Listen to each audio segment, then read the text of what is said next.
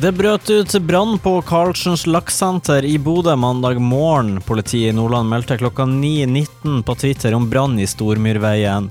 Det brenner i et lakssenter. Alle ansatte er gjort rede for evakuert. Det samme gjelder nabobygget. Det er en olje og laks som brenner, så det er en sikkerhetssone på 50 meter, sier operasjonsleder Mari Lillestøl. Klokka ti opplyste politiet at det er kontroll på brannen, og brannvesenet driver med etterslukking.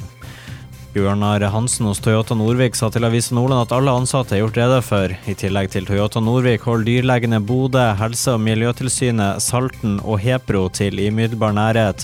Totalt ble nærmere 60 personer evakuert.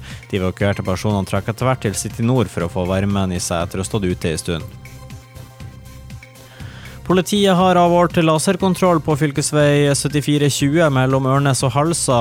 Fem førere er ilagt forenkla forelegg hvor høyeste hastighet var 70 km i timen i 50-sona. Det melder politiet i Nordland på Twitter. Politiet i Nordland melder om ei trafikkulykke i Håkon Sjuenes gate. Politiets operasjonssentral kan informere om at personen er frakta vekk fra stedet i ambulanse, og at hendelsen anses som et uhell.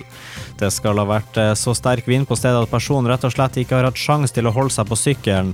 Politiet i Nordland melder om ei trafikkulykke. Det skal dreie seg om en syklist som har velta. Vedkommende skal være skadd, og skadeomfanget ukjent. Tre forenkla forelegg er skrevet ut etter laserkontroll ved barneskole. Patruljen har avholdt laserkontroll ved Hunstad barneskole i morgentimene. Tre førere er forenkla forelegg, høyeste hastighet 41 km i timen i 30-sona, skrev politiet i Nordland på Twitter. Og 3858 personer har blitt sendt ut av landet med tvang i årets åtte første måneder. 2554 ble sendt ut i henhold til smittevernloven. I august ble 208 personer uttransportert av landet, og politiet vises nye tall fra Politiets utlendingsenhet.